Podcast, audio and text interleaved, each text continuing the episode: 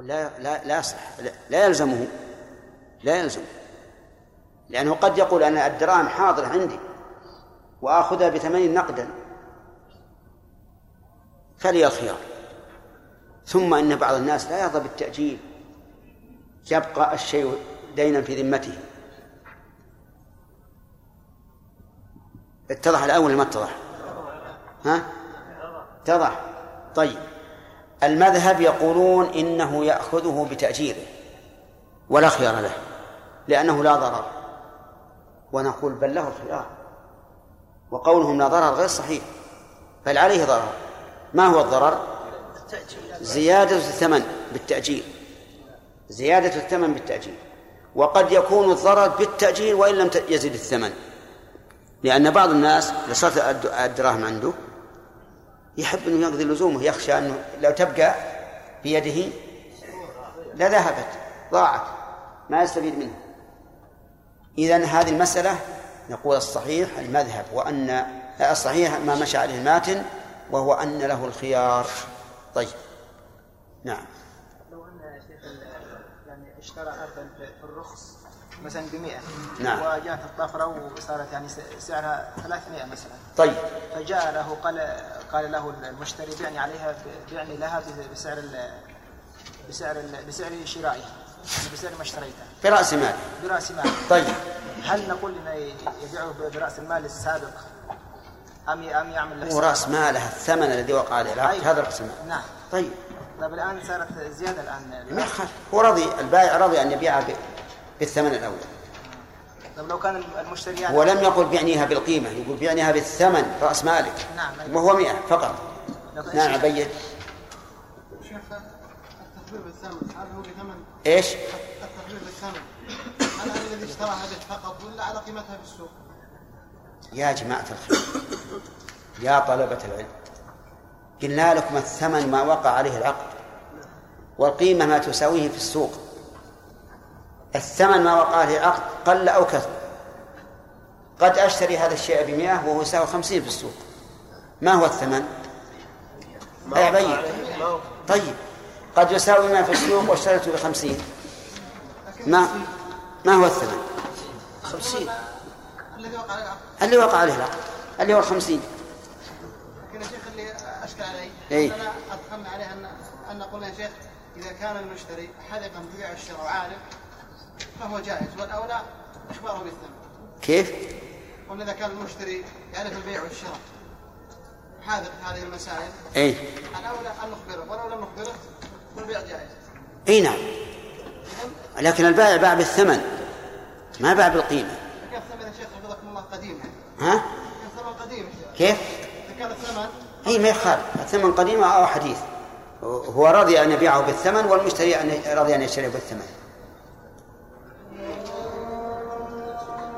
هذه الدعوة التامة والصلاة القائمة هذه من الوسيلة والفضيلة بس المقام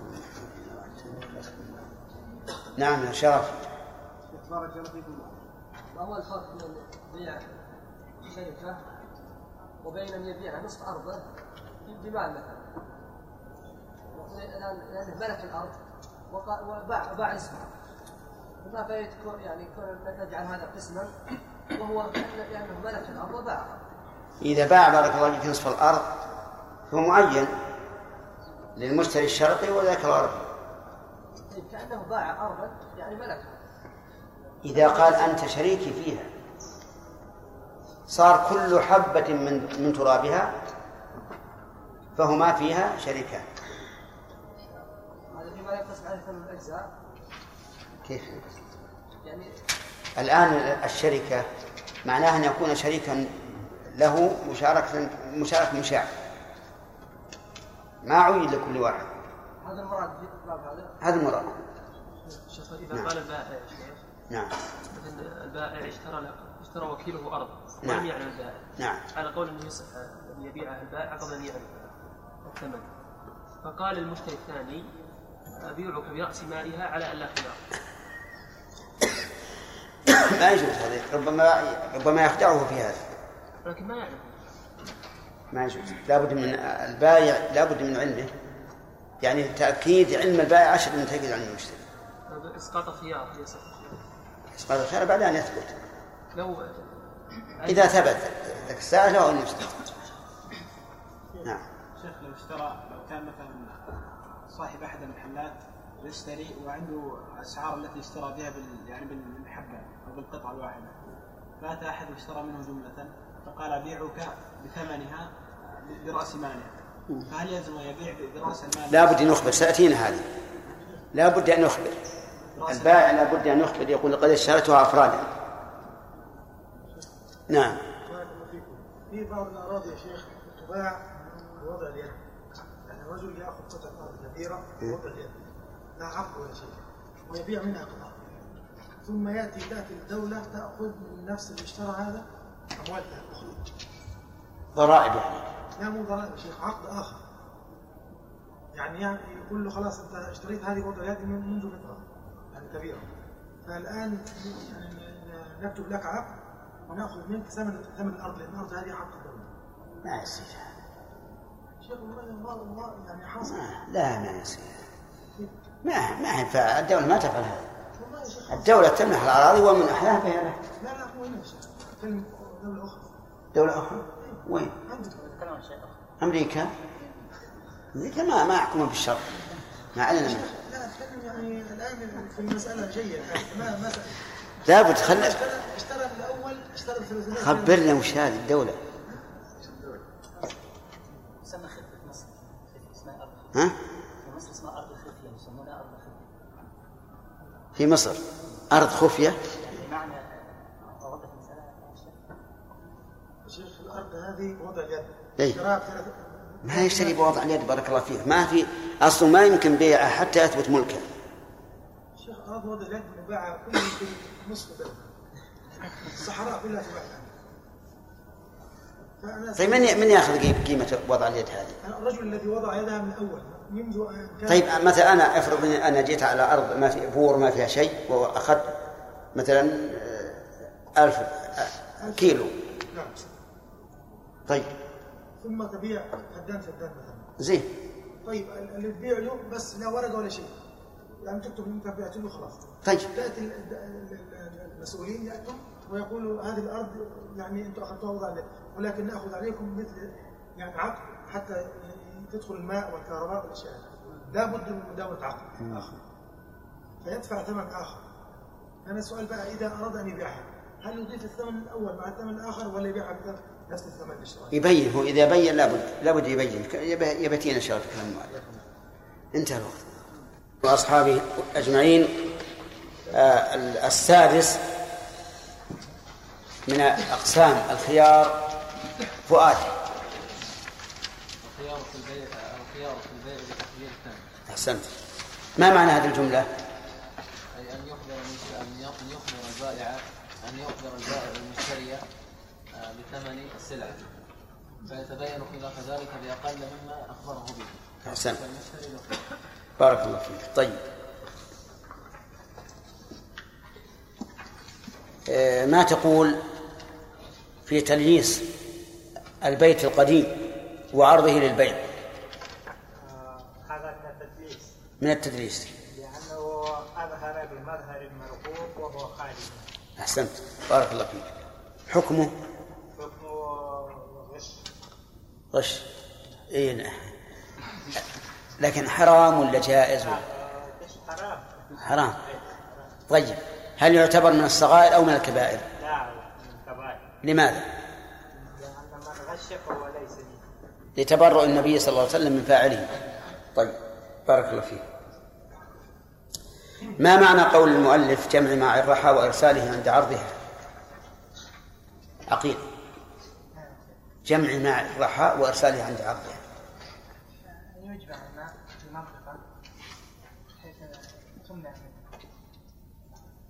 الجريان بحادث أو بغيره ثم إذا أتى يبيع يريد أن يبيع يبيع إيش؟ يبيع الماء. لا الرحى الراحة لا. يبيع الراحة أطلق الماء فتجري الراحة بسرعة في- فيظن المشتري أن هذه عدل طيب يعني يصب الماء في في حلقوم الرحى ولا لا؟ يطلق الماء. طيب وش, وش ما علاقة الماء بالرحى؟ لا أصبر. السؤال لسامي وسامي ما شاء الله رجل أجود من اللي يجون منه يمكن ما.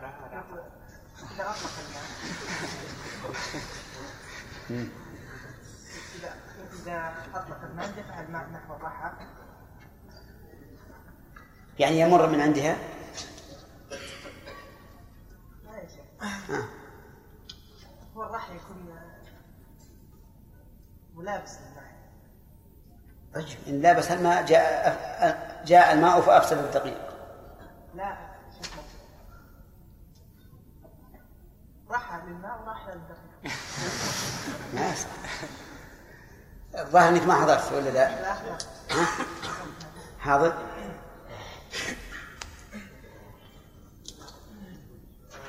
يقول المؤلف وجمع الرحى عند.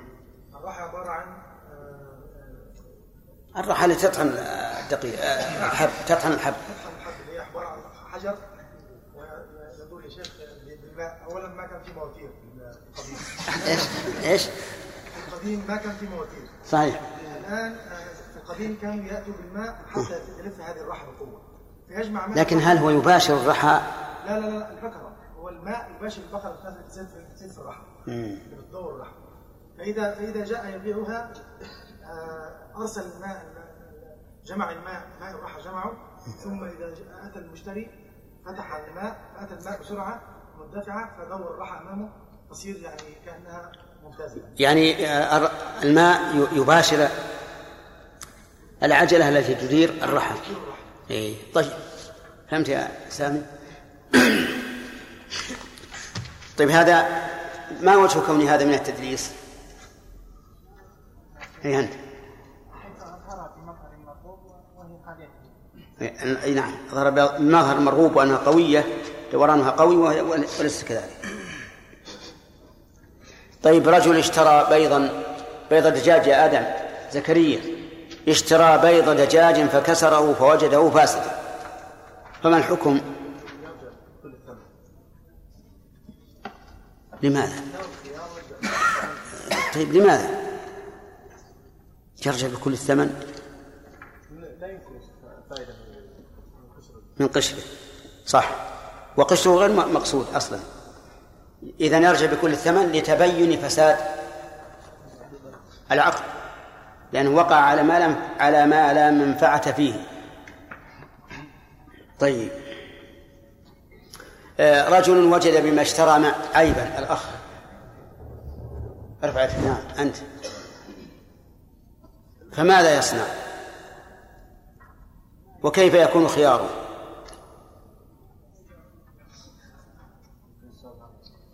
رجل اشترى شيئا فوجد فيه عيبا فكيف يكون خياره؟ نعم. ياخذ أرش لازم. إذا كان ما- استفاد منه؟ لا يستفاد منه. اشترى شاة فوجدها فيها جرح مثلا.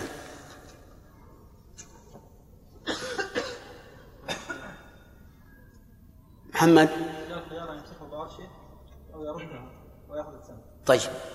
يخير بين رده وأخذ الثمن أو إبقاء إمساكه مع مع الأرش. طيب. ما هو الأرش؟ نعم.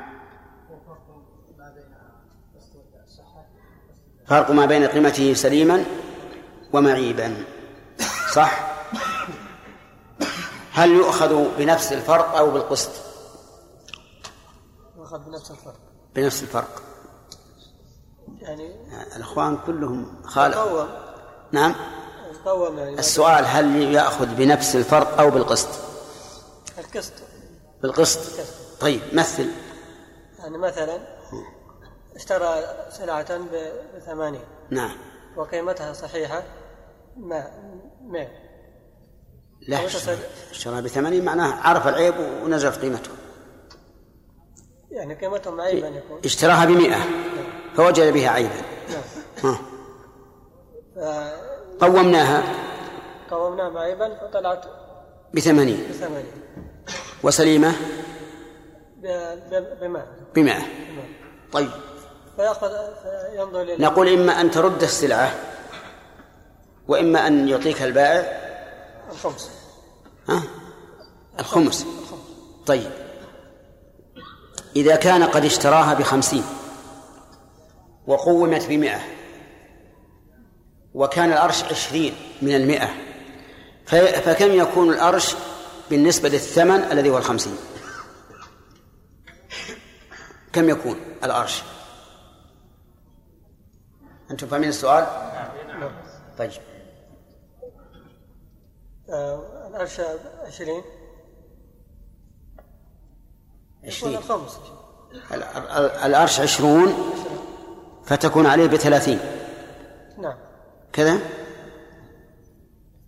لا تكون بأربعين. كيف تقول الأرش عشرين؟ لا, ما هو بالأرش عشرين؟ لا الأرش يكون الخمس المقدار الذي آه هذا هو, هو هذا هو الفرق بين قولنا إنه هو هو الفرق بين قيمة سليمة ومعيبا بالكم أو ب- أو بالقسط وقلنا إنه بإيش؟ بالقسط. قل قل الفرق خمس مثلا. عشان ينقص من الثمن الخمس وهو عشرة من خمسين. طيب. متى يتعين الأرش؟ تعين الأرش إذا تعذر الرد. تعذر الرد؟ كيف تعذر الرد؟ مثلا يأخذ سلعة معيبة إذا تلفت. إذا تعلف إذا تلفت يتعين الأرش لأنه لا يمكن الرد الآن بعد تلفها طيب. ومتى يتعين آه الإمساك مجانا أو الرد. إذا كان يلزم من الأرش الوقوع في الربا. إذا كان يلزم من الأرش الوقوع في الربا. مثاله؟ مثال إذا اشترى آه، حليا بذهب ثم تبين له أن الحلي معيب فإن أخذ الأرش وقع في الربا الإمساك مثلا فهنا يتعين إما الإمساك أو الرد في الأرش. سمعتم؟ اشترى حليا بذهب. حليا من الذهب بذهب. فهنا يشترط الموازنة. وزنا بوزن.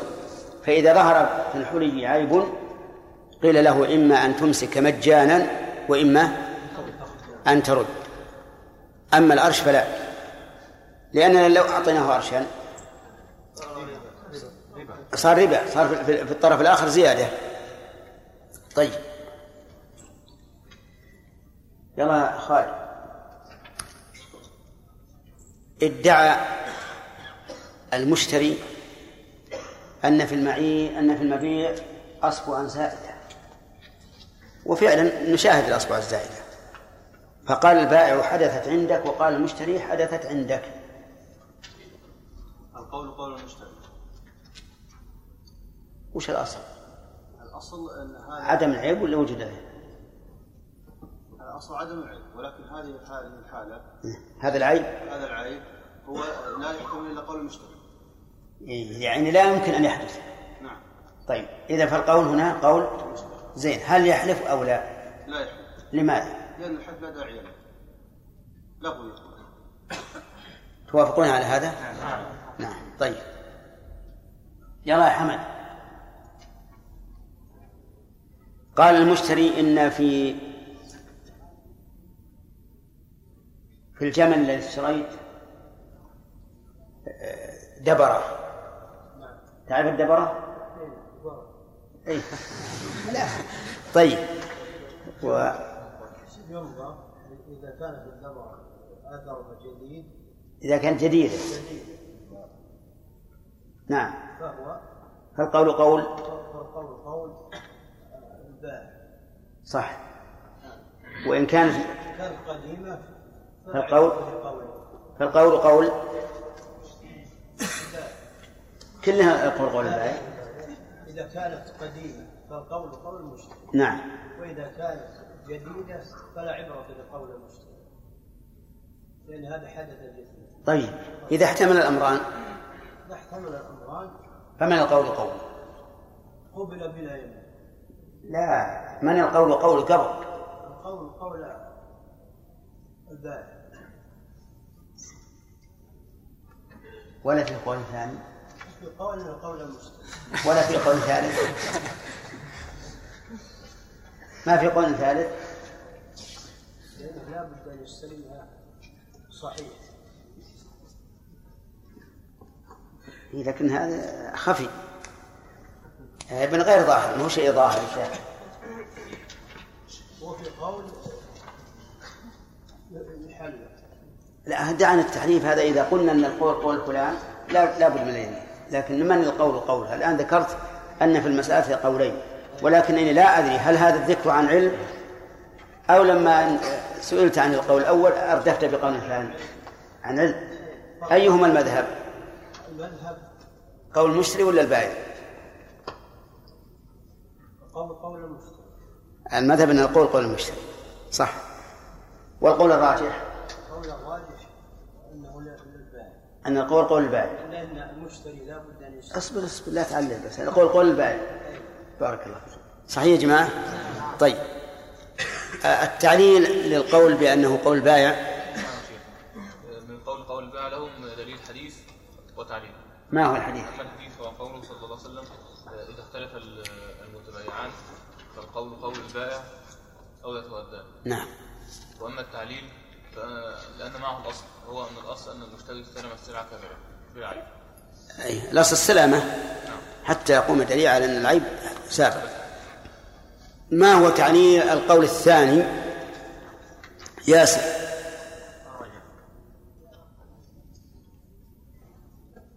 نعم. أنت أيضا كساع إلى الهيجة بغير سلاح. أي طيب. من يعرف التعليل؟ زهير القول قول المشتري عن المذهب.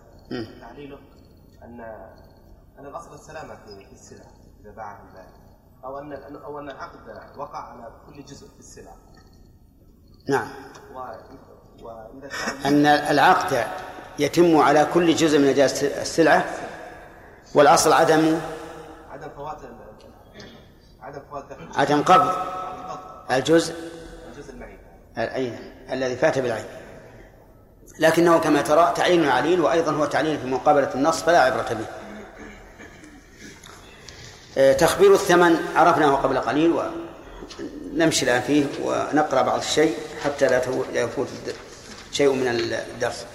يقول رحمه الله تعالى نعم. وإن اشترى بثمن مؤجل. إن اشترى أي البائع تولية. اشترى الفاعل يعود على البائع تولية. اشترى بثمن مؤجل ولم يبين. مثل أن يقول بعتك هذا الكتاب برأس ماله. إذا قال بعتك برأس ماله وش نوع البيع هذا؟ تولية. قال كم رأس ماله؟ قال رأس ماله عشرين. رأس ماله عشرون درهما. قال أخذته. وكان هذا الذي باعه قد اشتراه بعشرين درهما مؤجلا ولم يخبر. ومعلوم أن الثمن المؤجل يكون أكثر ولا أقل؟ أكثر. فاشتراه المشتري صدقه أخذه بعشرين ثم تبين أن هذا الثمن كان ثمنا مؤجلا. هو صادق في أنه اشترى بعشرين لكن لكنه ثمن مؤجل. فنقول للمشتري الخيار إن شاء أمسكه وإن شاء رده. لأن لأن البائع غره وخدعه فجزاؤه أن يفسد عليه أمره. وأن يقال للمشتري أنت بالخيار. عرفتم؟ طيب. هذا هو الذي مشى عليه المؤلف وهو وجيه جدا إذا كان البائع الذي باع برأس ماله قد خدعه.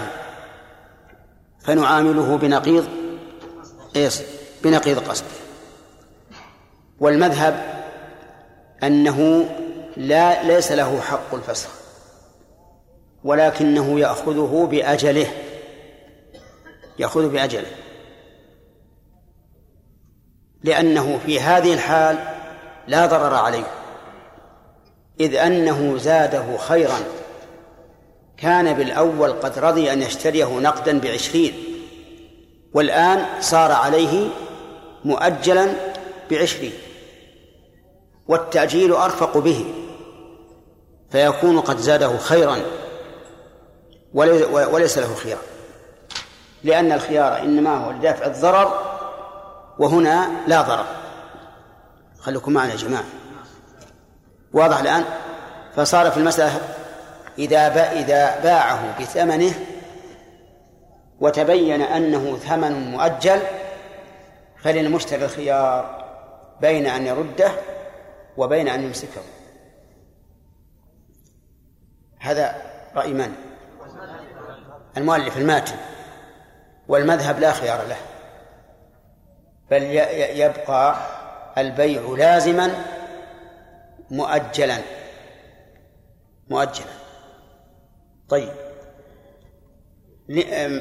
ما هو تعليل كل من القولين؟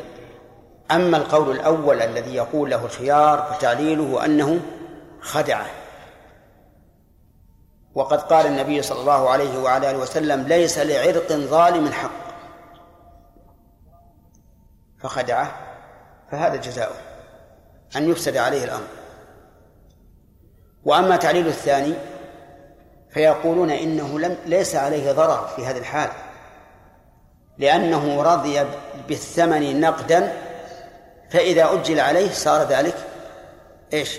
أيسر له أيسر له.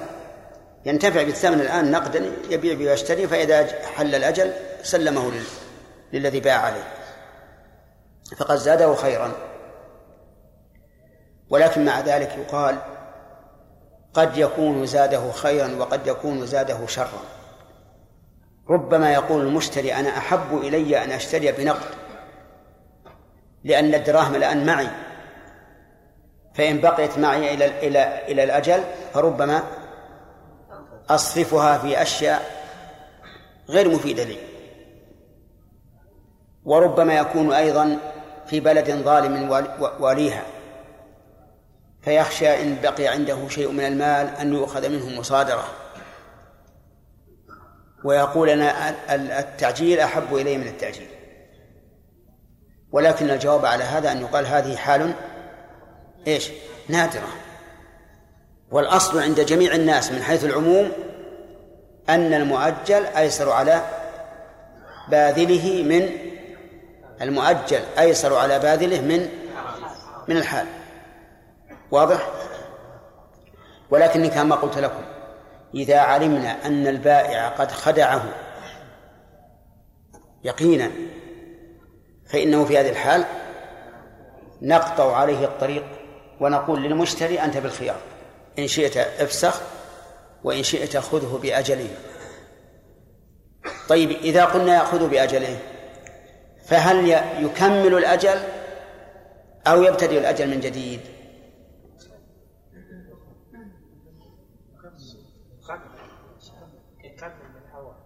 يكمل من الأول. كيف يكمل؟ تناقض يا هداية الله.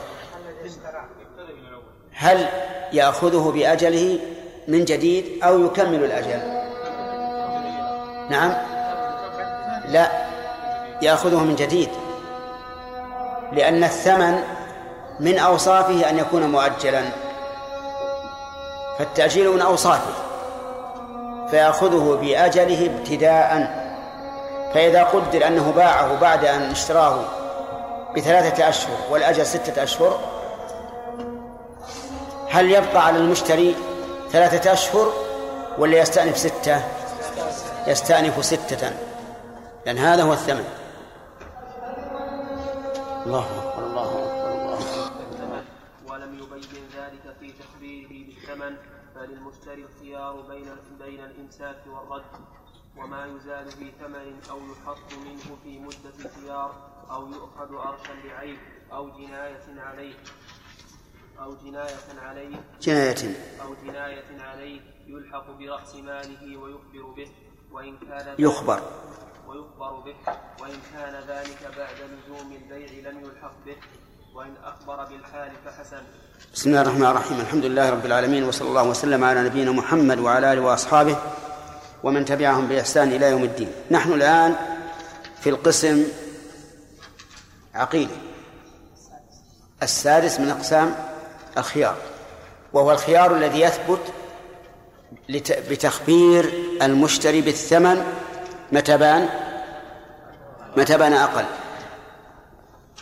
وسبق لنا أن هذا فيه خلاف بين العلماء. فالمذهب أنه إيش؟ لا خيار ويأخذه المشتري بالأقل لأنه إذا أخذه بالأقل لم ينقصه شيء. إذ أنه راض هو أن يأخذه بمئة مثلا فإذا بان أن الثمن ثمانون فقد زاده خيرا فلا خيار له. وذكرنا أن القول الراجح في هذه المسألة هو إيش؟ لا هو التفصيل.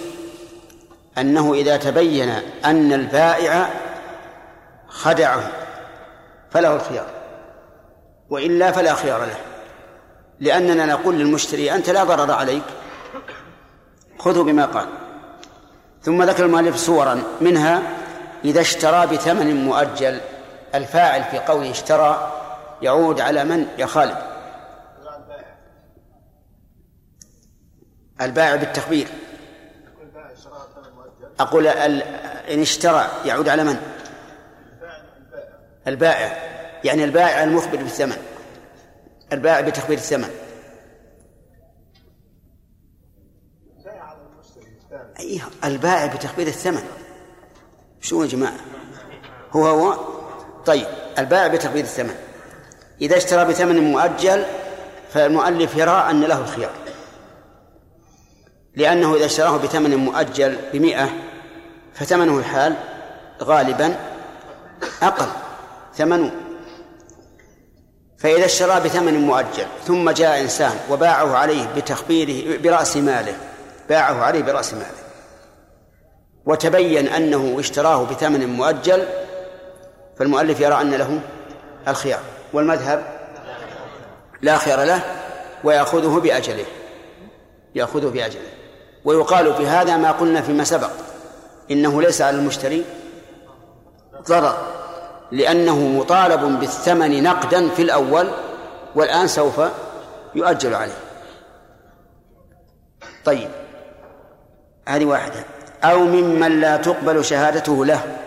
يعني أو اشترى البائع بتخبير الثمن ممن لا تقبل شهادته له ثم باعه على آخر ولم يخبره فللثاني الخيار.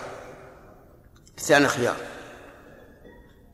لأن لأن الغالب أن الإنسان مع من لا تقبل شهادته له لا يستقصي في الثمن. يعني لا يماكس الغالب. من الذي لا تقبل شهادته له؟ الأصول والفروع. أصوله وفروعه. فهذا رجل يعني مثال رجل اشترى من أبيه سلعة بمئة ثم باعها على آخر برأس مالها. كم رأس المال؟ مئة. ثم تبين للمشتري أن الذي باع عليه قد اشترى من والده. يقول المؤلف له الخيار. وظاهر كلامه سواء غبن أم لم يغبن. بناء على إيش؟ على أن العادة أن الإنسان لا يستقصي فيما إذا اشترى من ممن لا تقبل شهادته له. عرفتم؟ طيب. ما وجه الخيار للمشتري؟ يقول المشتري أنت اشتريت من أبيك. لو اشتريته من أجنبي لكاسرته ما كسته حتى ينزل. وأبوك تستحي. وكذلك يقال في الابن فإذا, فإذا يثبت له الخيار. والصحيح في هذه المسألة أنه لا يثبت له الخيار إلا إذا ظهر في ذلك غبن. إذا ظهر في ذلك غبن فله الخيار. ويكون من باب خيار الغبن. أما إذا لم يكن هناك غبن فإنه كثيرا ما يشتري الإنسان من من أصوله أو فروعه ويستقصي في الثمن. طيب هذه واحد قال من الذي الآن أسألكم من الذي لا تقبل شهادته له؟ الأصول والفروع. الآباء والأبناء والبنات والأمهات والجدات والأجداد وأبناء الأبناء وأبناء البنات وكذلك الزوجان. لا تقبل شهادة أحدهما للآخر. أو بأكثر من ثمنه حيلة. هذا اشترى بأكثر من ثمن حيلة. يعني البائع الذي باع بتخبير الثمن كان قد اشتراه بأكثر من الثمن حيلة. مثال الحيلة؟ هذا رجل المثال. رجل يطلب آخر مئة ريال. مئة ريال. والمطلوب يماطل. كلما جاء قال انتظر. في يوم من الأيام اشترى منه سلعة تساوي ثمانين بمئة. فلما اشتراها قال إذن مقاصة مقاصة ما لك شيء. يقول من؟ المشتري. اللي هو الطالب. البائع الآن مطلوب ويماطل المشتري. فاشترى منه سلعة تساوي مئة بثمانين وكان الدين مئة. الدين مئة. هذا الشراء هل هو لرغبة في السلعة أو حيلة على استخلاص حقه؟ الثاني حيلة على استخلاص حقه. انتهى البيع. جاء رجل آخر وقال له بعني هذه السلعة. كم اشتريتها؟ قال بمئة ريال. أبيع عليك برأس المال. مئة. ثم تبين بعد ذلك أنه اشتراها بمئة. إيش؟ حيلة ليخلص دينه من هذا المماطل. فللمشتري الخيار. واضح بن عوض؟ طيب للمشتري الخيار. كذلك إذا إذا كان بأكثر من ثمنه محاباة. نذكر صور في الشرح لأنها مفيدة.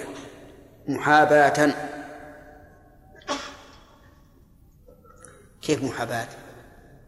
يعني أنه أن المش... الذي باع بالتخبير اشترى هذه السلعة من شخص صديق له.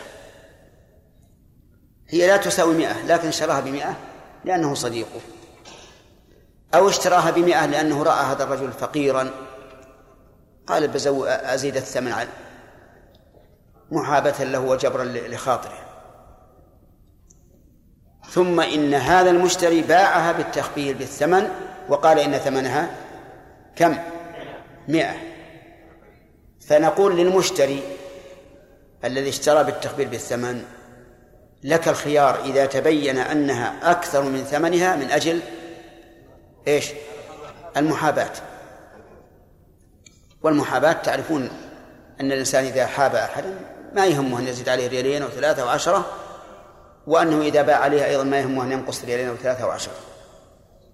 طيب أو لرغبة تخصه اشترى الذي باع بتخفيض الثمن اشترى هذه السلعة لرغبة تخصه. ما هو لأنها زايدة في السوق لا لرغبة تخصه مثاله رجل اشترى بيتا إلى جنب بيته. البيت يساوي مائة ألف. اشتراه بمائة وعشرين لأنه جنب بيته ويداخل البيت. هذه رغبة. تخص من؟ تخص المشتري. لأنه لو كان عند غير بيت لو كان ليس جارا له ما اشتراه ب 120 ثم إنه طابت نفسه من البيت وباعه على إنسان بالتخبير بالثمن قال كم اشتريته؟ قال ب 120 قال أخذت برأس ماله وتبين أن المئة والعشرين أكثر من الثمن وأن ثمنه مئة أنتم معي؟ طيب لماذا زادت عشرين؟ لرغبة تخص المشتري وهو كونه إلى إلى جنبه ومداخلا بيته فهذه رغبة تخصه الصورة الثالثة الرابعة. أو موسم فات. موسم فات. كيف موسم فات؟ يعني اشتراه أيام الموسم في عيد الأضحى اشترى شاة في عيد الأضحى. عادة أن الغنم في عيد الأضحى ترتفع قيمتها فاشتراها هذه الشاة بمئة في غير الموسم تساوي ثمانين. ثم إنه بعد ما فات الموسم باعها برأس ماله مالها برأس ماله كم؟ مئة. وهو أكثر من الثمن لولا أنه اشتراها في موسم والموسم قد فات. الموسم قد فات. أما لو باعها في نفس الموسم فهذا لا بأس لكن والآن قد فات. فنقول للمشتري الخيار. طيب. اشترى شاة حلوبا بمئة وعشرين. لأن عنده طفل من الغنم يحتاج إلى لبن. فاشتراها بمئة وعشرين من أجل أن ترضع هذا الطفل. ثم إن إن انتهى رضاع الطفل وجاء إنسان قال أشتريها منك برأس المال؟ قال نعم. كم رأس المال؟ قال 120 تبين أنه اشتراها ب 120 علشان إرضاع الطفل. هذا من أي أقسام الأرباح؟ الرابعة تخص رابعة تخص. طيب. إذا متى بان الثمن أكثر لسبب من الأسباب يتعلق بالمشتري أو يتعلق بالمبيع فإنه فإن للمشتري الخيار طيب. إلا بشرط قال لا لا قال أو باع بعض الصفقة بقسطها من الثمن ولم يبين ذلك في تخبيره بالثمن فلمشتري الخيار بين الخيار بين الإمساك والرد. إذا باع بعض الصفقة بقسطها من الثمن ولم يبين ذلك للمشتري. فإنه يضمن. إيه، فإن فإن المشتري الخيار. أنتم معنا؟ طيب. اشترى كيسا من الرسل بمئة ريال ثم باع نصفه بخمسين. بقي النصف كم؟ خمسين. جاء شخص يريد أن يشتري منه قال له أبشتري منك هذا برأس مالك. قال لا بأس. رأس مالي خمس خمسون. اشتراه. فتبين أنه أن هذا بعض ما اشترى وأنه باع بعضه بقسط من الثمن. فللمشتري الخيار. إلا إذا بين قال أنا اشتريت. كيسا من الرز بمئة وبعت نصفه خمسين وهذا بخمسين. بين فالأمر واضح. لكن إذا لم يبين فللمشتري الخيار. فإذا قال قائل كيف يكون له الخيار؟ يقول نعم لأن الناس يفرقون بين بعض التجزئة وبعض الجملة. يفرقون. وقد يكون الإنسان يزيد الثمن في الجملة أو في التجزئة حسب الرغبات. واضح يا جماعة؟ وبهذا نعرف حرص العلماء رحمة الله عليهم على الصدق في البيع والشراء. وإلا كان بعض الناس يقول ما دام أنه باع النصف بنصف الثمن لماذا لا يقول هذا حصل عليه بخمسين؟ يقول يجب أن يصدق. ولم يحصل عليه بخمسين. حصل عليه مع البقية بكم؟ بمئة. وهذا يساوي خمسين فالواجب أن يبين. الواجب أن يبين. طيب. ثم قال وما يزاد في ثمن. أو يحط منه في مدة خيار أو يؤخذ أرشا لعيب أو أو جناية عليه يلحق برأس ماله ويخبر به. ما يزاد في الثمن في مدة الخيار. فإنه يجب أن يخبر به. مثاله اشترى شيئا بمئة. أطلق المالك عليه البيع. قال بعتك إياه بمئة. قال قبلت. تم البيع ولا لا؟ طيب. في أثناء المجلس قال البائع أنا الآن مغبون. مغبون. ما أبيعه إلا بمائة وعشرين. لا أبيعه إلا بمائة وعشرين. تبيع وإلا أنا في الخيار. نحن الآن في المجلس. قال قبلت بمائة وعشرين.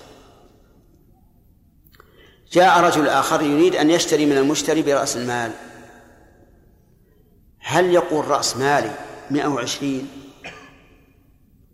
أو يقول مئة؟ هو لن يقول مئة لأن هذا خسارة عليه. لكن هل يقول مئة وعشرين؟ لا. لا بد أن يخبر به. يقال اشتريته بمئة ثم في زمن الخيار زاد عليه لماذا؟ لأن العقد الأول كان على مئة. فيجب أن نصدق حتى في هذه الصورة. يجب أن يلحق برأس المال ويخبر به. كذلك أيضا يقول أو يؤخذ أو يحط منه. يحط منه في مدة الخيار كذلك يجب أن يخبر به. لما تم البيع بين البائع والمشتري وهما في المجلس قال المشتري أنا مغبون. اشتريته منك بمئة وهو لا يساوي إلا ثمانين. واتفق على ثمانين. فباعه برأس ماله. إيش؟ قصدي باعه بثمانين. إذا اشتراه أحد منه برأس ماله لا بد أن يقول اشتريته بمئة ثم حاطته إلى ثمانين. مراعاة ليش؟ للعقد الأول. لئلا يلغى العقد الأول. يعني تحري العلماء رحمهم الله تحريهم للصدق إلى هذا الحال. كذلك ما ما ما يؤخذ أرشا لعيب اشترى رجل شاة بمائة ريال. ثم وجد بها عيبا قوم بثمانين. نعم قوم بعشرين. قوم بعشرين. من الذي يدفع العشرين؟ البائع. البائع يدفع عشرين. المشتري الذي اشترى الشاة باعها برأس مالها ماذا يقول؟ هل يقول إني اشتريتها بثمانين أو بمئة ثم نزلت للعيب عشرين؟ الثاني لابد. لابد أن يقول هذا. حتى يكون صادقا في أنه اشتراها بمئة ثم نز... رد عليه عشرين من أجل من أجل العيب طيب كذلك ما يؤخذ أرشا لجناية عليه. اشترى عبدا بمئة لو كثرنا التمثيل بمئة ما يضر. اشترى عيبا بمئة قصدي عبدا بمئة. ثم تبين ثم إن العبد جني عليه. يعتدي عليه إنسان بقطع بعض أطرافه أو ما أشبه ذلك. كانت الجناية خمسين. أرش الجناية التي جنى على العبد خمسين. فباعه برأس ماله. هل يقول إن رأس ماله رأس ماله مئة أو خمسين؟ لأنه لما دب على خمسين صار العبد الآن صار معيبا بخمسين. أليس كذلك؟ فإذا باعه برأس ماله وهو معيب هل يقول إن رأس ماله خمسين؟ إن رأس ماله خمسون؟ لا. يجب أن يقول إني اشتريته بمئة فجني عليه بخمسين. يبين بالواقع. طيب. قال المؤلف يلحق برأس ماله ويخبر به. وإن كان ذلك بعد لزوم البيع إن كان ذلك المشار إليه الزيادة والنقص. وليس الجناية إنما الزيادة والنقص. إن كان ذلك بعد لزوم البيع لم يلحق به. لماذا؟ لأن البيع استقر على إيش؟ على الثمن الأول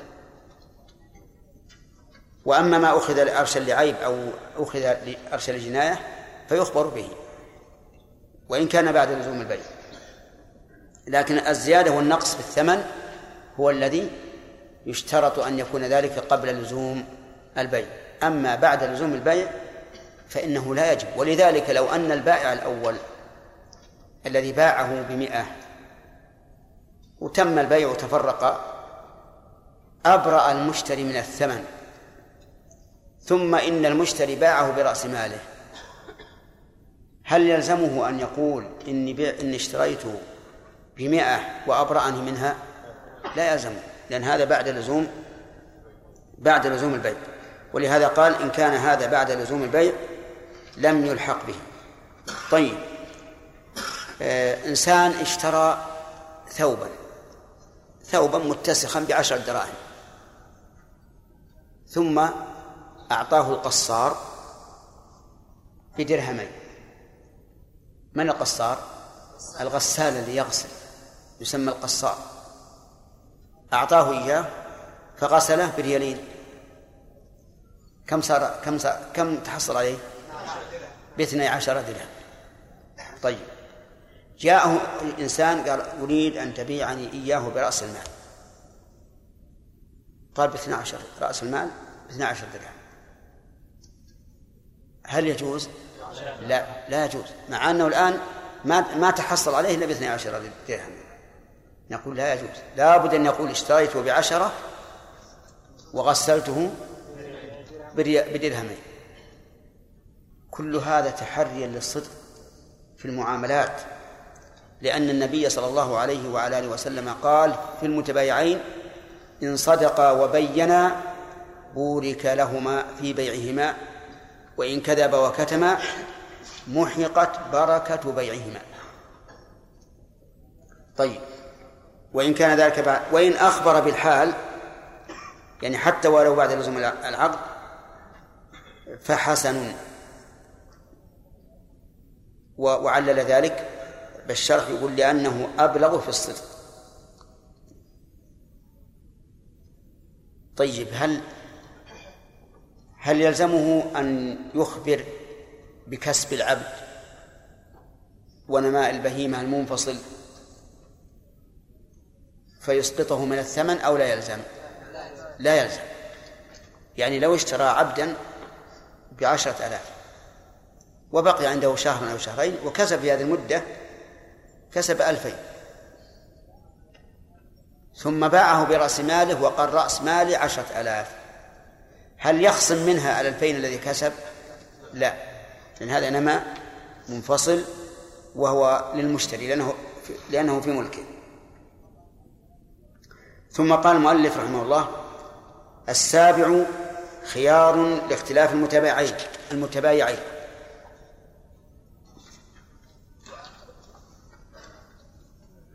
والخلاف بين المتبايعين من قديم الزمان. يختلفان في الجنس أو في القدر أو في الصفة أو في العين. الاختلافات لا حصر لها. والعلماء رحمهم الله ذكروا ما يشبه القواعد في هذا الباب. إذ أن جزئيات المسائل لا تمكن الإحاطة بها. وليس كل اختلاف يوجب الخيار بل الاختلاف الذي دلت السنة على ثبوت الخيار في مثله. يقول فإذا اختلف ولهذا عندي في الشرح يقول في الجملة والفقهاء إذا قالوا في الجملة فالمعنى أكثر الصور وإذا قالوا بالجملة فالمعنى جميع الصور هذا مصطلح عندهم. إذا كانت في فهي أكثر الصور. بالباء جميعها. والفرق أن في للظرفية والباء للاستيعاب. هذا هو الفرق. يقول فإذا اختلف في قدر الثمن إذا اختلف في قدر الثمن بأن قال البائع بعته بعشرة وقال المشتري اشتريته باثني عشر. ها المثال صحيح؟ البائع قال بعته بعشرة والمشتري قال اشتريته باثني عشر. يمكن هذا؟ لا بس هذا بعيد إذن قال البائع بعته بعشرة وقال المشتري اشتريته بثمانية. صحيح؟ اختلف في قدر الثمن. و ولم يوجد بينة. إن وجد بينة تشهد بقول أحدهما فالأمر ظاهر. طيب وهل القرينة هنا تنفع؟ يعني لو قيل إنما إنما ادعاه المشتري أقرب إلى الثمن في السوق مما ادعاه البائع نقول في هذا تفصيل. إذا كان ما ادعاه أحدهما بعيدا لا يمكن فهذا لا لا لا, لا يقبل ولا يلتفت له ولا تسمع دعواه. وإن كان محتملا فعلى ما قال المؤلف وسيذكر إن شاء الله. مثال هذا ادعى باع واحد على سيارة على شخص. سيارة فخمة. تساوي في السوق ستين ألفا. ثم اختلف في الثمن. فقال البائع بعتها بستين ألفا وقال المشتري اشتريتها بعشرة آلاف. ممكن هذا؟ لا يمكن هذا. إلا لسبب من الأسباب والأصل عدم السبب. هذا لا يمكن. ولذلك لو أن أحدا عرض هذه السيارة التي تساوي ستين ألفا بعشرة آلاف لقيل إن هذا سارقها أو فيه بلاء نعم. إذن نحن نقول إذا ادعيا قدرا محتملا. كما قلنا في العيب فيما سبق. إن لم يحتمل إلا قول أحدهما. قبل بلا يمين. هنا اختلف في قدر الثمن. البائع يقول مئة والمشتري يقول ثمانية. فماذا نصنع؟ يقول المؤلف تحالفا تحالفا كل واحد يحلف. فإذا قال قائل كيف نلزمهما بالحلف؟ والنبي صلى الله عليه وسلم قال البينة على المدعي واليمين على من أنكر. قلنا حقيقة الأمر أن كل واحد منهما مدع ومنكر. كل واحد مدع ومنكر.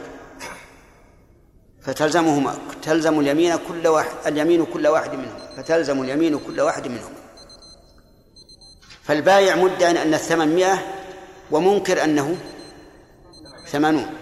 والمشتري مدع أنه ثمانون ومنكر أنه مئة. إذن كل منهما مدع ومنكر ولهذا ألزمنا كل واحد منهما بالحلف. فيتحالفان. طيب من الذي يبدأ؟ يقول المؤلف فيحلف بائع أولا ثم يحلف مشتري. يحلف البائع أولا لأنه هو الذي انتقل الملك عنه. فكان جانبه أقوى لأن الأصل عدم خروج الملك من يد صاحبه فيقدم البائع يحلف البائع أولا ويجب أن يجمع بين النفي والإثبات بين نفي ما ادعاه خصمه من خصمه؟ المشتري وإثبات ما ادعاه هو فيقول والله ما بعته بكذا وإنما بعته بكذا. مثالنا والله ما بعته بثمانين وإنما بعته بمئة. فيبدأ بالنفي أولا كما هي العادة أن التخلية قبل التحلية. ولدفع دعوى المشتري. فيقول والله ما بعته بثمانين وإنما بعته بمئة. فيجمع بين النفي والإثبات والمشتري كذلك. يحلف المشتري والله ما اشتريته بكذا بكم؟ بمئة. وإنما اشتريته بثمانين. فإذا تم تمت المحالفة ولم يرضى أحدهما بقول الآخر فلكل واحد منهما الفسخ لكل واحد منهما الفسخ واضح يا جماعة؟ طيب. وظاهر كلام المؤلف أنه لا بد من تقدم حلف البائع. فلو بدأ المشتري أولا لم يصح. قلنا للبائع احلف ثم يحلف المشتري. فيلزم المشتري في هذه الحال أن يحلف ثانية. لأن المؤلف يقول فيحلف البائع أولا. ثانيا ظاهر كلام المؤلف أنه لا بد من الجمع بين النفي والإثبات. نفي ما ادعاه خصمه وإثبات ما ادعاه هو. فلو نفى ما ادعاه خصمه فقط وقال والله ما بعته بثمانين يقول البائع. يكفي ولا لا؟ لا يكفي حتى يثبت ما ادعاه يحلف على ما ادعاه طيب لو اقتصر على الإثبات فقط قال والله لقد بعته بمئة وإن هذا المشتري كاذب. نعم ما يكفي. لا بد أن يقول بالنفي ما بعته بثمانين وإنما بعته بمئة. طيب لو قدم الإثبات على النفي. قال والله لقد بعته بمئة وما بعته بثمانين. على كلام المؤلف؟ لا يصح. على كلام المؤلف لا يصح. فلا بد من أمور ثلاثة. أن يحلف البائع أولا. الثاني أن يجمع بين النفي والإثبات. الثالث أن يقدم النفي. نقدم النفي. وكذلك يقال بالنسبة لحلف المشتري أن يحلف ثانيا أن يكون هو الثاني في اليمين وأن يبدأ بالنفي قبل الإثبات وأن يجمع بين النفي والإثبات. وقال بعض أهل العلم إن القول قول البائع. القول قول البائع. لأن الملك خرج من يده ولا يمكن أن يخرج إلا بما يرضى به هو. ما لم يوجد بينة. هذا من جهة التعليل. من جهة الدليل إذا اختلف المتبايعان فالقول ما قال البائع أو يترادان. وهذا القول أقوى. هذا القول أقوى. لأنه يؤيده ظاهر الحديث ويؤيده المعنى أيضا. أن القول قول البائع ويقال للمشتري إن رضيت بما قال البائع ولا ملكه باقي. طيب إلا إذا ادعى البائع ثمنا خارجا عن العادة فحينئذ لا يقبل. بأن قال بعتها بمئة وهي لا تساوي خمسين في السوق. فهنا لا نقبل. نعم لا نقبل. فإن قال قائل لماذا لا تقبلون؟ لأنه ليس على المشتري ضرر إذ أنه سيفسخ إذا إذا إذا لم يرضى المشتري بما ادعاه سوف يفسخ العقد. فالجواب أن في ذلك ضررا على المشتري لأن المشتري قد تكون حاجته متعلقة بهذه السلعة وقد اشتراها أو يكون السوق ارتفعت أسعاره أو ما أشبه ذلك. فحينئذ نقول إذا ادعى إذا ادعى ثمنا أكثر مما جاءت به العادة فإننا لا نقبل قوله لبعده. وعلى القول بأنه بأنهما يتحالفان. فالصحيح أنه لا يحتاج إلى الجمع بين النفي والإثبات. والمقصود هو نفي ما ادعاه صاحبه فقط أو إثبات ما ادعاه هو. وهذا يحصل. يحصل بإيش؟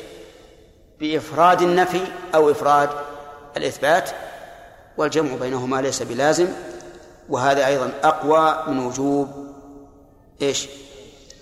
الجمع بينهما. هذه واحدة. وإذا قلنا بالجمع فالقول الراجح أيضا أنه لا يشترط تقييم النفي. وأنه لو قال والله لقد بعته بمئة وما بعته بثمانين كفى. لأن المقصود إيش؟ المقصود حصل. المقصود حصل. طيب. بقي عندي توقف. هل يشترط تقديم قول البائع يمين البائع أو يمين المشتري؟ المؤلف يرى أنه يقدم يمين البائع. وهذا قد يكون له وجه كما ذكرنا في تعليله. وقد يقال لو أن المشتري تعجل وحلف قبل فما المانع من أن يكون أن يكون حلفه مقبولا. فهذه مسألة نتوقف فيها. نعم زهير. لا فيه فيه فيه آه، جملة معترضة.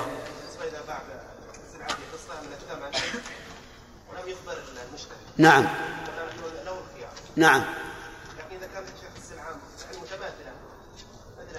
آه، كلام المؤلف مطلقا سواء ينقسم عليه الثمن بالأجزاء أو بالقيمة. العلة أنه قد يكون بعض الناس له رغبة إذا كانت إذا كانت إذا كان العقد على شيء كثير.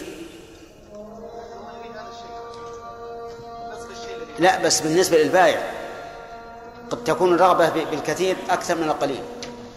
إحنا أشرنا إلى هذا.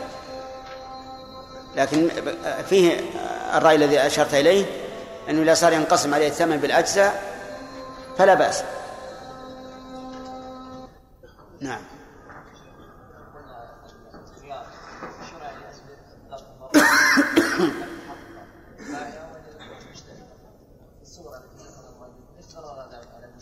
اللي كيف الزيادة؟ اشترى بمئة وزاد 20 في خلال المجلس هذا اشترى ب 120 نعم.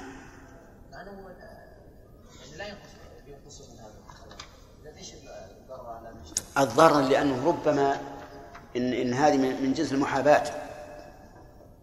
إن قيمة الحقيقية مئة. قيمة الحقيقية مئة. لكن المشتري له رابط أكيدة في هذا في هذا الذي اشتراه فزاده العشرين.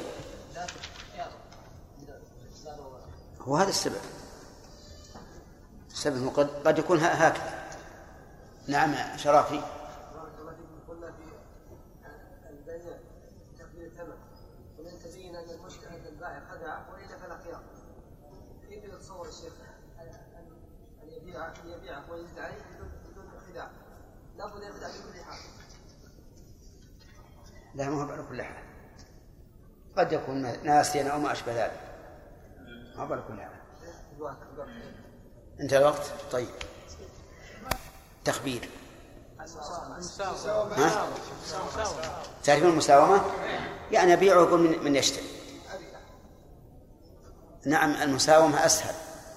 لكن أيهما أشد طمأنينة بالنسبة للمشتري؟ التخبير؟ إيه. إذن كل واحدة منها تمتاز. تمتاز بمزية لكن الإمام أحمد أحب إليه المساومة. لأنها أبرأ للذمة لا شك. فقال الحمد لله أنا شريه بعشرة والآن يسوى مئة ما ما ينفع نعم. وحجاج يقول انتهى الوقت.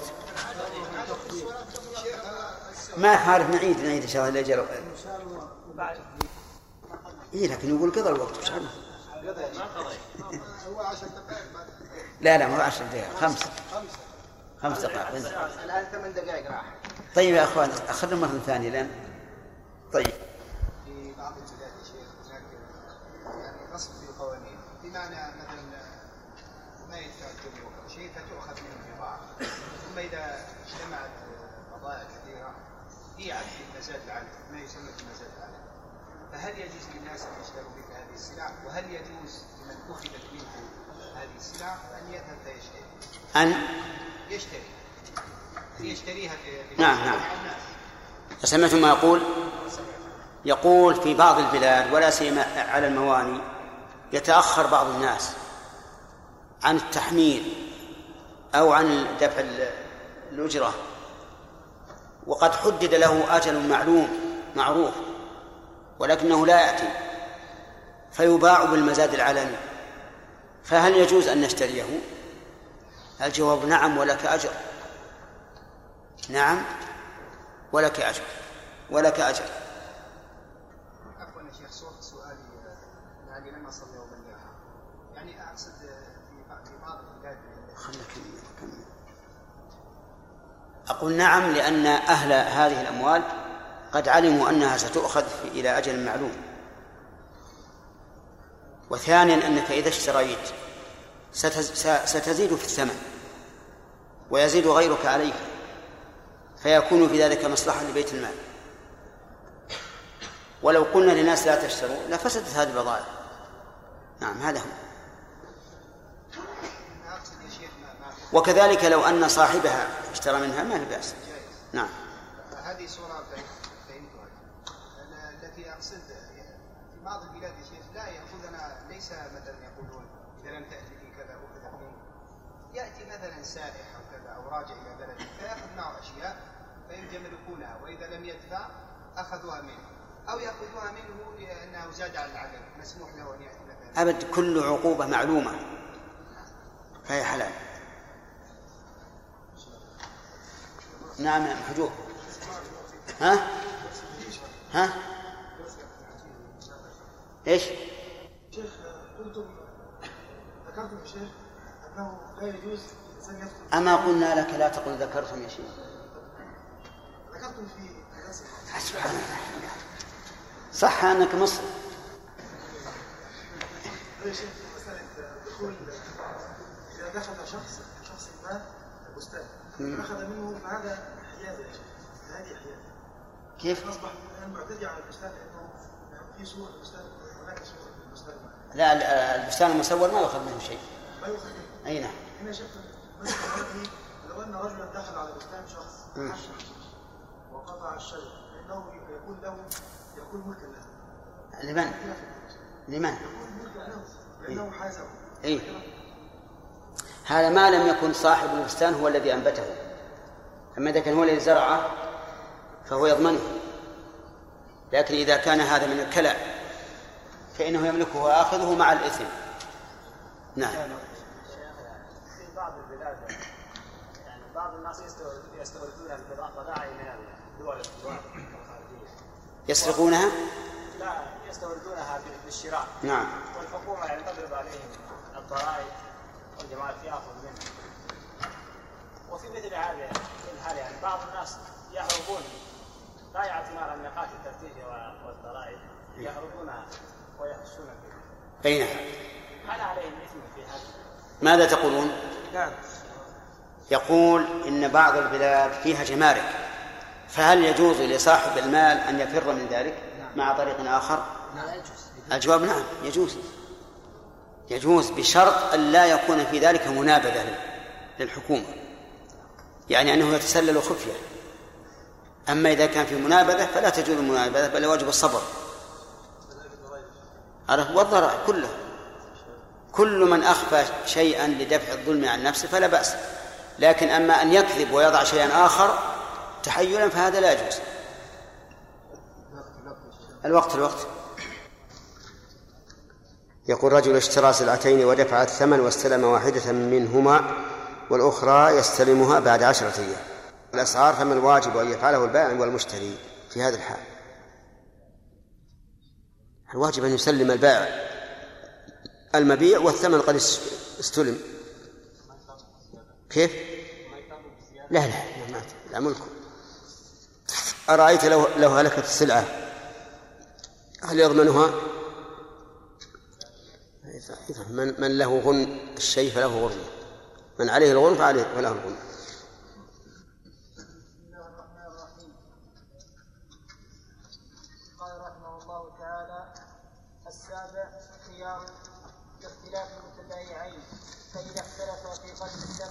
تخال تحالفا فيحلف البائع أولا ما بعته بكذا وإنما بعته بكذا. ثم يحلف المشتري ما اشتريته بكذا وإنما اشتريته بكذا. ولكل ولكل الفسق إذا لم إذا لم يرضى أحدهما بقول الآخر. فإن كانت السلعة تالفة رجع إلى قيمة رجع إلى قيمة مثلها. فإن اختلفا في صفتها فقول المشتري بسم الله الرحمن الرحيم. الحمد لله رب العالمين. والصلاة والسلام على نبينا محمد وعلى آله وأصحابه ومن تبعهم بإحسان إلى يوم الدين. السابع يعني من أقسام الخيار. وقد مضى ستة أقسام. والذي مضى منه ما يثبت بالشرط ومنه ما يثبت بالشرع. فخيار المجلس ثابت يا خالد؟ خيار المجلس ثابت ثابت بالشرع. بالشرع. طيب وهل لهما إسقاطه؟ نعم. التعليل أو الدليل أولا ثم التعليل ثانيا الدليل قول النبي صلى الله عليه وسلم البيعان بالخيار. ما لم يتفرقا فإن فإن تبايعا على ذلك.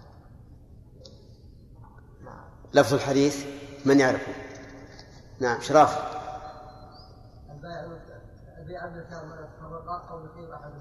إذا تبايع رجلان فكل واحد منهما.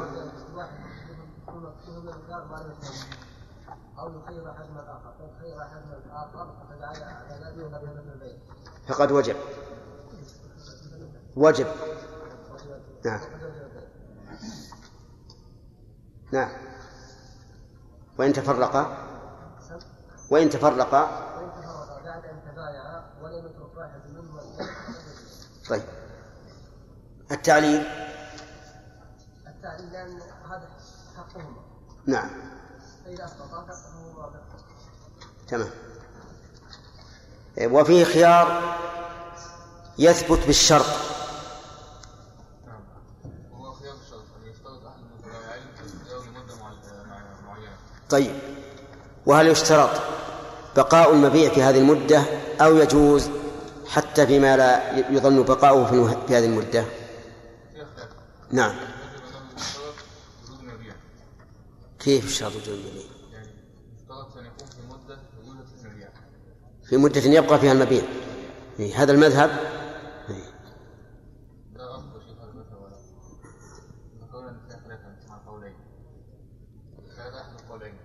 لا طيب على هذا القول كيف نعمل إذا إذا اختار الفسخ القول الثاني على هذا القول كيف نعمل إذا اختار الفسخ اختار الفسخ آه، ير- يرجع بمثل المبيع أو بقيمته.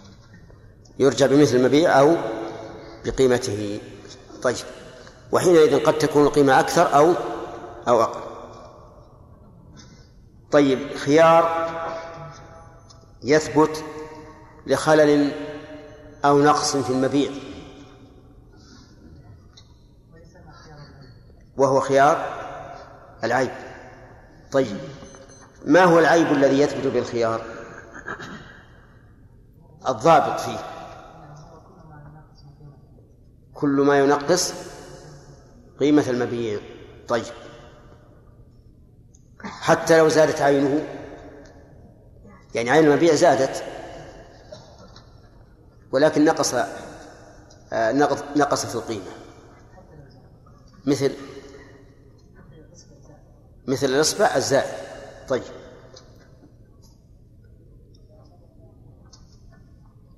إذا ثبت العيب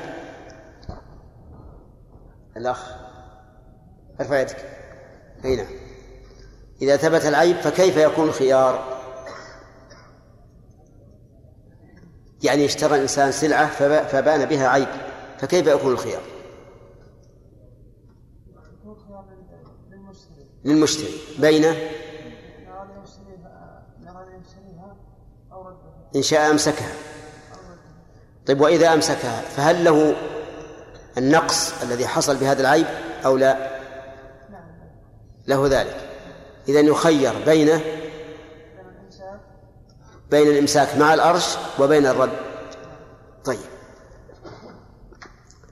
آه، هل في هذا خلاف يا أحمد؟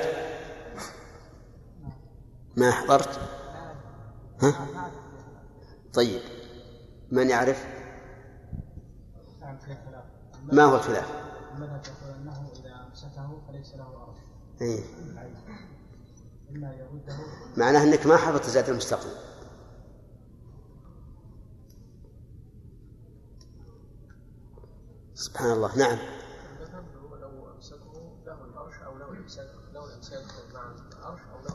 الرد داخل الثمن طيب معلوم له الرد يأخذ الثمن أو له الأرش. لكن هل في المسألة خلاف؟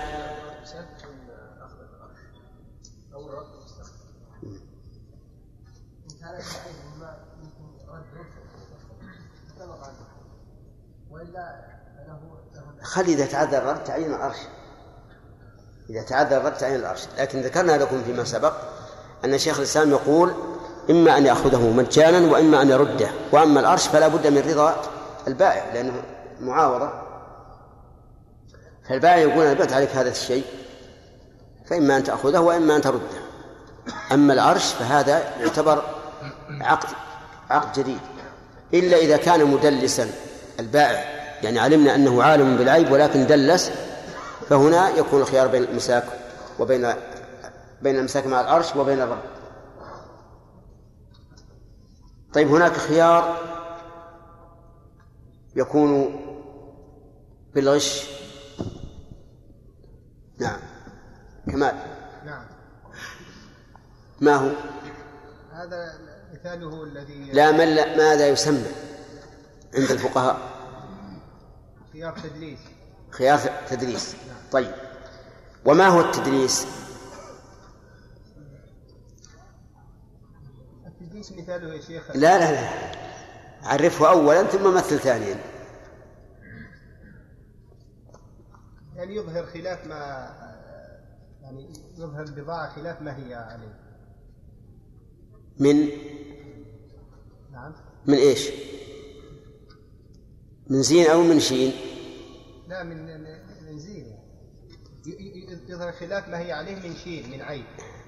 اي يعني يغطي يعني. يعني معناها أن- ان أن تكون ال- السلعة جيدة فيظهرها بمظهر السيء. لا العكس آه، بالعكس. اذا أن يظهر السلعة بخلاف على وجه مرغوب فيه وهي خالية منه. طيب. ما هو الأصل في هذا؟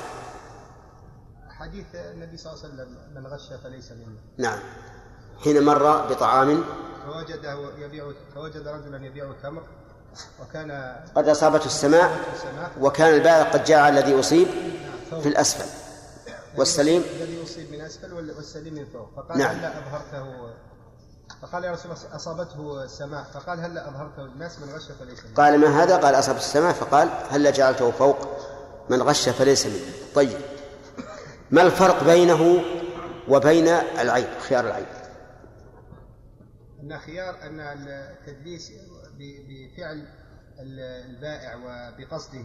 وأما العيب فقد يكون يعني بخلاف قصد البائع ليس بقصد البائع. قد هو بقصده. لكن التدليس متعين إنه بقصد البائع. بقصد من البائع. ما هو هذا الفرق؟ خيار التدليس بأن ما الفرق بين التدليس و- والعيب؟ العيب بأن يغطي عيبا. واقعا في هذه السلعة ويظهرها بأنها كاملة بأنها خلية منه. والخيار التدليس بأن يصفها بصفة مرغوبة فيها وهي خالية منه. طيب. التدليس ان يخفي العيب حين البيع. والعيب أن يكون سابق سلام. نعم.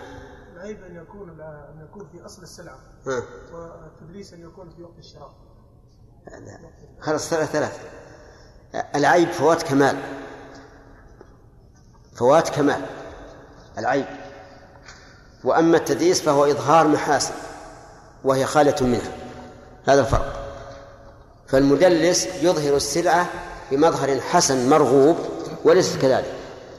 والعيب إيش؟ فوات كمال في السلعة.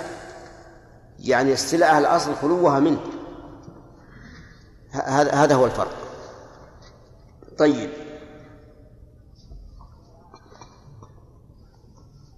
إذا أعتق المبيع الذي ظهر فيه العيب فما الذي يتعين هنا؟ تعيين الأرش. لماذا؟ يتعذر الرد حيث أن العبد تحرر ولا يمكن أن يعود رقيقا. طيب.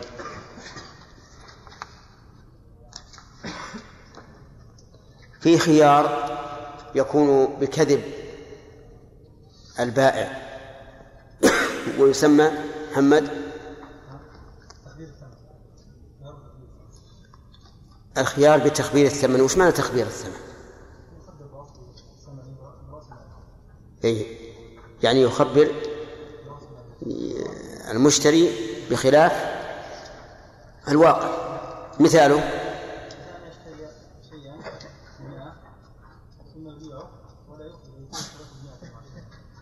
لا.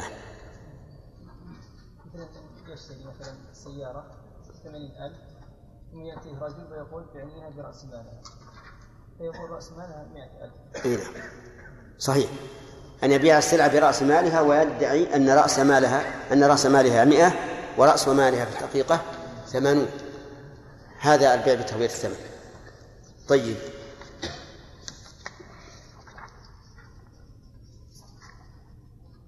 هل له مثلا أصل يعني يرجع إليه في هذا؟ يعني من السنة أو من القرآن؟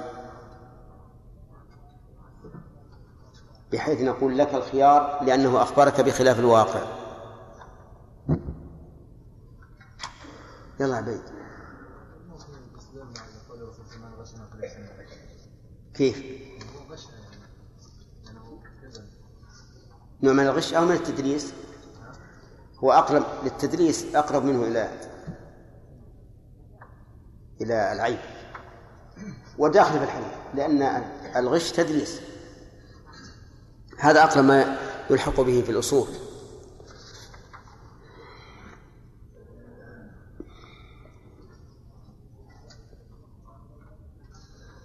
طيب إذا إذا اشترى ثوبا بعشرة ثم غسله ونظفه بخمسة.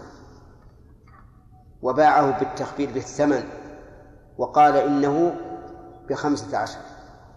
ماذا تقول؟ هل يجوز هذا أو لا؟ لا يجوز. يعني لا يجمع بين أصل الثمن وبين أجرة التأصيل بل يقول اشتريته بكذا بعشرة وغسلته بخمسة. طيب. الآن الأخير السابع من أقسام الخيار وهو الأخير وهو درس الليلة. يقول السابع خيار يثبت لاختلاف المتبايعين ها؟ كيف؟ أخذنا ما يخالف ينبني بعض على بعض. فإذا اختلف في قدر الثمن اختلفا الفاعل البائع والمشتري. في قدر الثمن فالبائع يقول مئة والمشتري يقول ثمانون. تحالفا. أي كل واحد منهما يحلف لأن كل واحد منهما مدع ومدعا عليه. فالبائع مدعي والمشتري مدعا عليه والمشتري أيضا مدع والبائع مدعا عليه. البائع يدعي الأكثر والمشتري يدعي الأقل. فلهذا كان الحلف بجانب الطرفين. ولا ينافي هذا قول النبي صلى الله عليه وعلى آله وسلم البينة على المدعي واليمين على من أنكر. لأن كل منهما مدع ومنكر فلهذا نقول إذا اختلف في قدر الثمن تحالف. ولكن هذا مشروط بما إذا لم يكن هناك بينة. ومشروط بما إذا لم تكن إذا لم تقم قرينة تكذب قول أحدهما. فإن كان هناك بينة فالثمن ما شهدت به البينة. وإن كان هناك قرينة تكذب قول أحدهما فإنه لا يلتفت إليه. مثال الأول تحالف تخالف البائع والمشتري في قدر الثمن فقال البائع قدره مئة وقال المشتري قدره ثمانون. وأقام المشتري بينة أنه بثمانين فما فمن القول قوله؟ قول المشتري لوجود البينة. وكذلك لو أقام البائع بينة أنه ثمان أنه مئة فالقول قول البائع لأنه معه البينة. وإذا ادعى أحدهما ما لا يمكن أو ما كان بعيدا مثل أن يقول بعت عليك حزمة هذا البصل بمئة ريال وهي في السوق بعشرة. فقال المشتري اشتريتها بعشرة. فهل نقول في هذه الحال إذا لم يكن بينة يتحالفان لا. لماذا؟ لأن دعوى البائع يكذبها القرينة تكذبها القرينة فلا عبرة بها. فيقال الآن